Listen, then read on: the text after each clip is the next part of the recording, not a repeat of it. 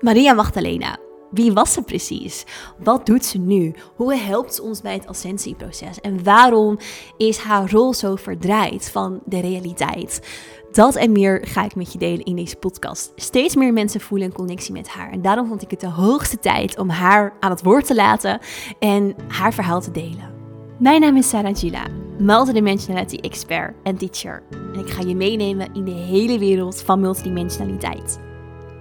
Multidimensionaliteit betekent in contact zijn met je higher beings, je oversoul, je avatar, de seed of the soul in jou kunnen activeren, maar ook helemaal embodied zijn in jouw human being. Multidimensionaliteit gaat over alle dimensies en de energiefrequenties die daarin te vinden zijn en waarin jij uiteindelijk ook een zielstil hebt. Kortom, ik neem je mee op een reis door dimensies en alles wat bij jou hoort.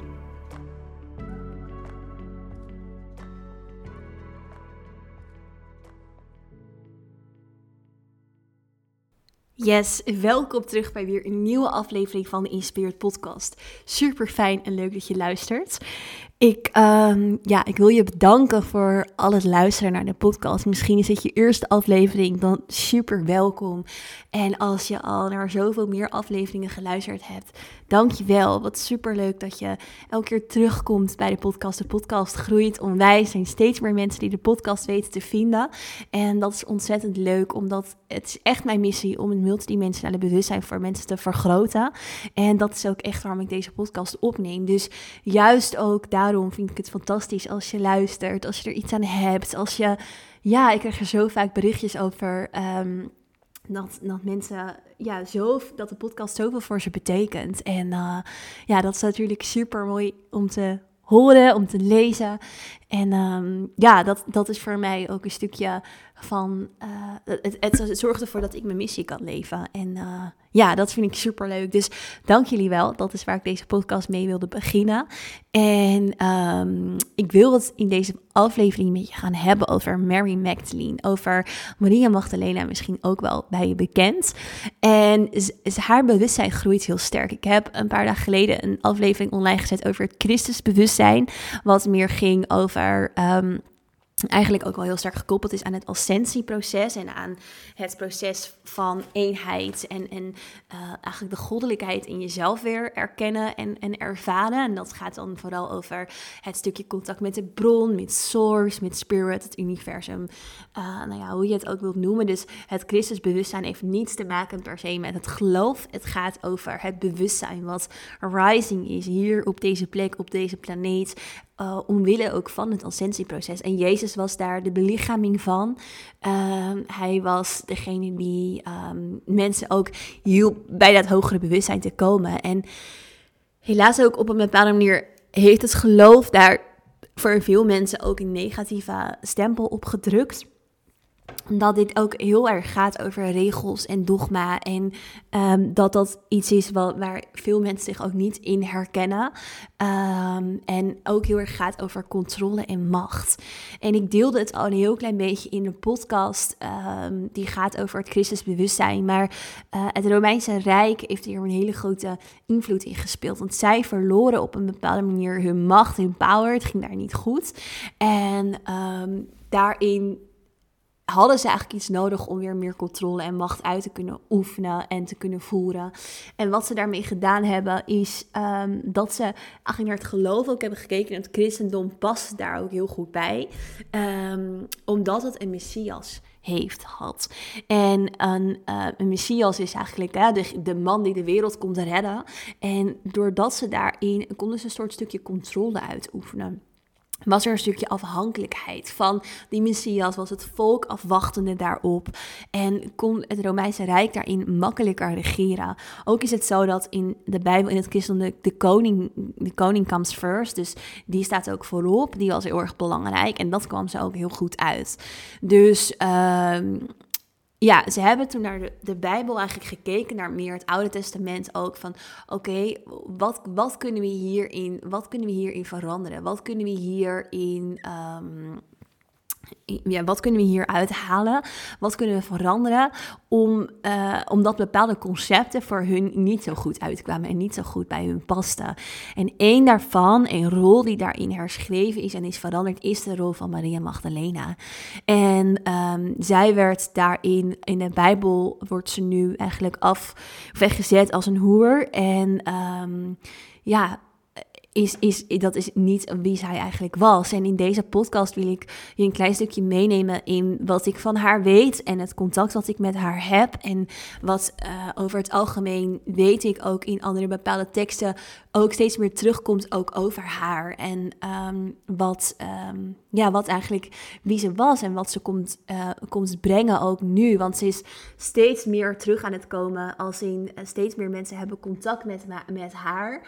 Um, ze, ze wordt steeds belangrijker ook in het proces van de aarde. En juist ook omdat we de, de femininiteit wordt steeds belangrijker. Dus de patriarchie gaat steeds meer naar de achtergrond zijn we aan het loslaten. En zij gaf eigenlijk al op, in haar tijd een soort steek richting die patriarchie. En dat. Um, nou ja, dat ga ik je zo nog iets meer over vertellen.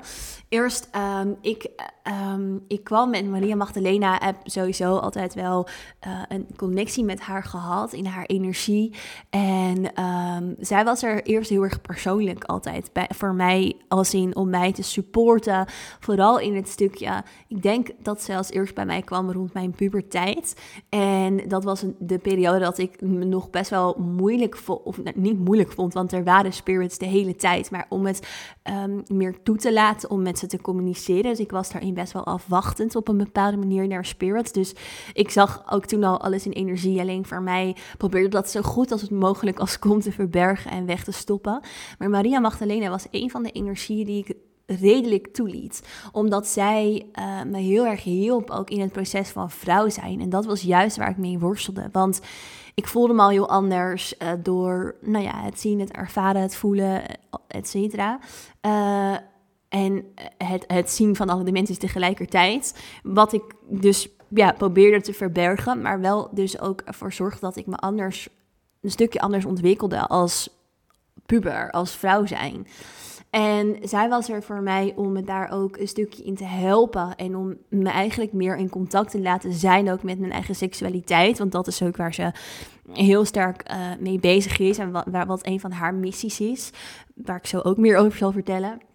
Maar dat was het eerste moment dat ik haar steeds meer begon toe te laten. En dat was eerst dus een hele persoonlijke connectie. En later werd dat uh, ook steeds meer in werk. Dus ik vergeet nooit meer de eerste keer dat ze in werk doorkwam. Was ik, was in, ik gaf een healing aan iemand. En um, ik voelde haar al heel de tijd aanwezig. En in, toen de tijd deelde ik niet altijd in die healing. Deze energie is er nu bij. Of die helpt mij. Of dit of dat. Um, maar um, Um, op dit moment wel. Ze kwam door en het, het, was een healing met iemand. En het, voor haar was de healing nog heel nieuw. Ik kende haar een stukje persoonlijk, dus dat vond ik ook al wat spannender. Uh, het was de eerste keer dat ik haar een healing gaf. Healing was voor haar nieuw. Um, nou ja, en een beetje de persoonlijke band die ik met haar had. En, en Maria Magdalena begon door mij heen te praten. En ze zei, ik ben Maria Magdalena en ik kom je nu helpen. En dit en dit. Ik weet niet meer exact wat ze precies zei. Maar ik weet nog dat ik toen even een momentje naar mijn eigen mind ging van... Oh god, oh nee, wat zeg ik nu allemaal? Wat denkt ze hier wel niet van? Want ik ben natuurlijk niet Maria Magdalena. Maar Maria Magdalena werkte op dat moment heel sterk door me heen. En ze herhaalde ook een paar keer, ik ben Maria Magdalena, ik ben Maria Magdalena en ik kom dit doen. En ik weet nog dat ik toen echt dacht, ja, of dat ik daar dus zelf een beetje zoiets had van: oké, ik hoop dat degene die nu de healing ontvangt, dat goed ontvangt. Wat ze ook gelukkig heel mooi deed. Maar um, ja, dat was een bijzonder moment. En um, nou ja, onze, onze connectie is, is sterk uh, en op bepaalde momenten sterker, op bepaalde momenten minder sterk. Uh, of, of wat, minder uh, intens bedoel ik meer van dan, dan ja, er zijn er even andere beings die wat meer op de voorgrond staan. Maar ja, Maria Magdalena, wie, wie was ze eigenlijk echt? En, en wat vertelt ze mij daar ook over? En over wat kunnen we eigenlijk van haar leren? Wat is haar, haar missie ook hier? Wat ze mij vertelt is dat uh, Maria Magdalena um, eigenlijk, ze was sowieso geen prostituee, laten we dat even voorop zetten. Haar, ze kwam uit een hele rijke familie. Ze kwam uit een hele rijke familie waarin ze um, haar vader kwam uit Mesopotamië en haar moeder uit Egypte. En uh, haar moeder wilde heel graag een kindje ontvangen en dat lukte een tijdje niet. En toen bad ze tot Isis. Isis is dus de Egyptische god van de vrouwelijkheid, de vruchtbaarheid. Um, en um, nou, daar, daar bad haar moeder toe. En op een gegeven moment werd ze dus zwanger van Maria Magdalena. En ze kwam dus uit een hele uh, een rijke familie, een hele goede familie. Waarin ze toen ze drie jaar was al op een bepaalde manier heel veel teachings kreeg vanuit. Um, Um, ja, eigenlijk een beetje wat we kunnen zeggen als de tantra. De tantra, de Egyptische alchemie, uh, waarin ze um, nou ja, ingewijd werd ook tot de tempel van Isis. Dus dat gaat ook over, en ze noemen het ook wel de seksmagie van Isis.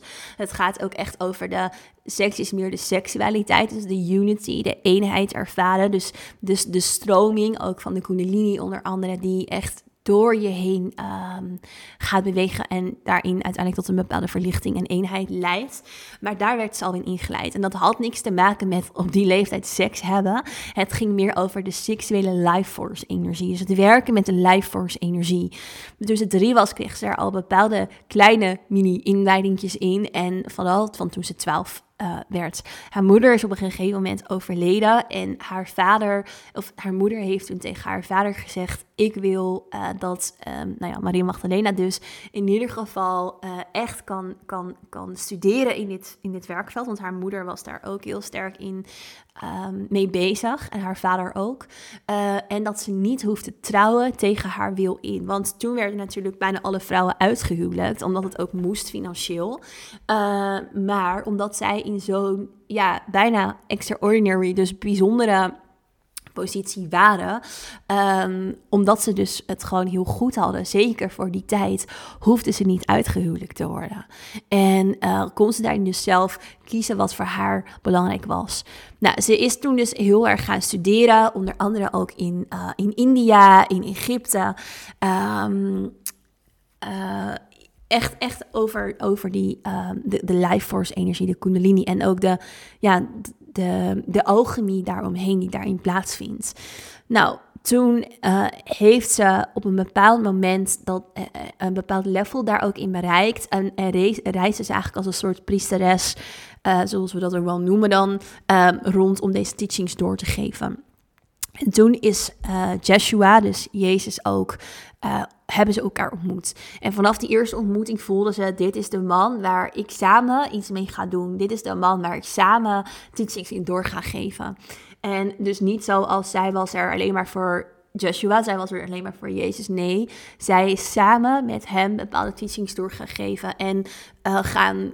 Um, ja, gaan, hem gaan ondersteunen. Dus ze ondersteunen elkaar. Hij ondersteunde haar bij haar, haar pad, haar proces. En ook um, natuurlijk in, in de life force, in, in energie en de, en, en de practices die ze deden.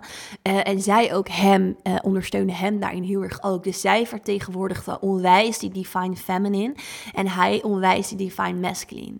En er zijn dus mensen die haar als een hoer, of nou ja, de, de, haar hebben weggezet. Wat ik zelf ook wel heel mooi vind om te beseffen. En wat, wat ze mezelf ook vertelde, is.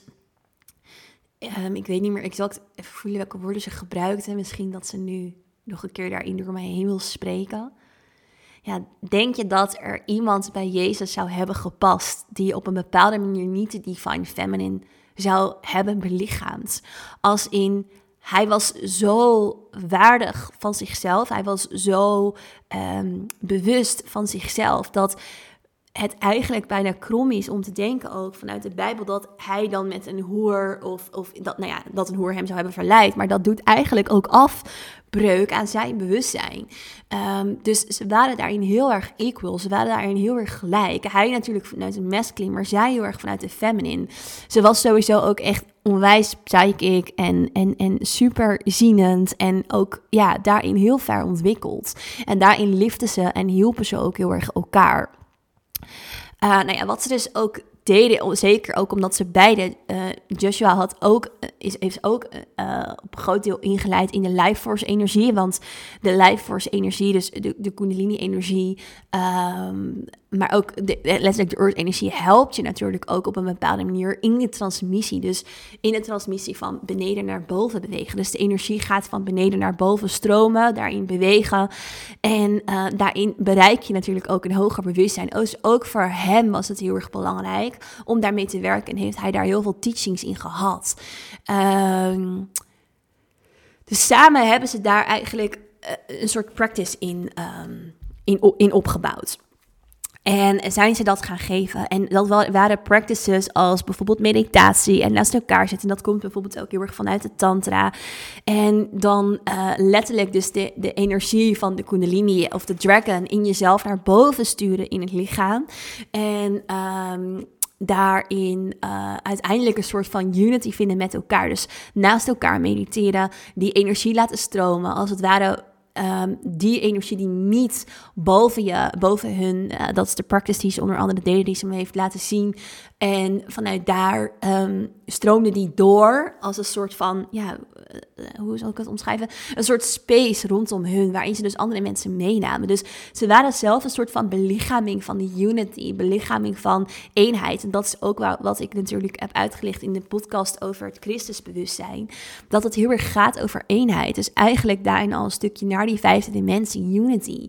En unity kan je bereiken door seks, maar het is ook juist het stukje hoe de practice naast elkaar zitten. Het volledig in die feminine masculine en de energie, de life laten stromen. Die laten mieten bij elkaar. Waarin er die samensmelting is.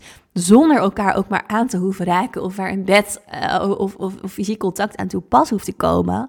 Maar daarin zo'n grote energie van liefde neerzetten. Die eigenlijk iedereen om je heen awakent en wakker maakt. En um, um, ja, uh, in bewustzijn mee heeft genomen.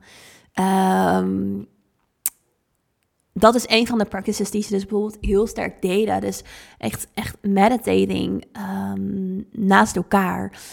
En daarin ook dus hun K-energie, dus de, dus de alchemistische energie, waar de Egyptenaren het heel veel ook over hebben in het oude Egypte. Dus heel erg over, of, of laten stromen. Um, dat, dat onder andere zijn practices die ze deden, waardoor eigenlijk uh, Jezus juist ook sterker in zijn kracht kon gaan staan. Nou, Maria Magdalena is toen op een bepaalde manier, zij werkte ook echt aan haar eigen laten we het soort van empire noemen. Haar eigen empire uh, om uh, mensen hierover te teachen en vooral vrouwen daarin mee te nemen. Maar in die tijd waren natuurlijk vrouwen nog mega onder druk. Uh, en was de patriarchie natuurlijk ja, super aanwezig. En daarin gaf zij eigenlijk een soort steek richting nou ja, die hele patriarchie en het vrouwen onderdrukken. Waardoor ze natuurlijk ook als een bedreiging is gezien. Dus toen is ze gevlucht al na het overlijden van, van, van Jezus. En uh, is ze allereerst naar Frankrijk gegaan. En daar is ook, ik wil die nog heel graag een keertje gaan doen, ook de Maria Magdalena route.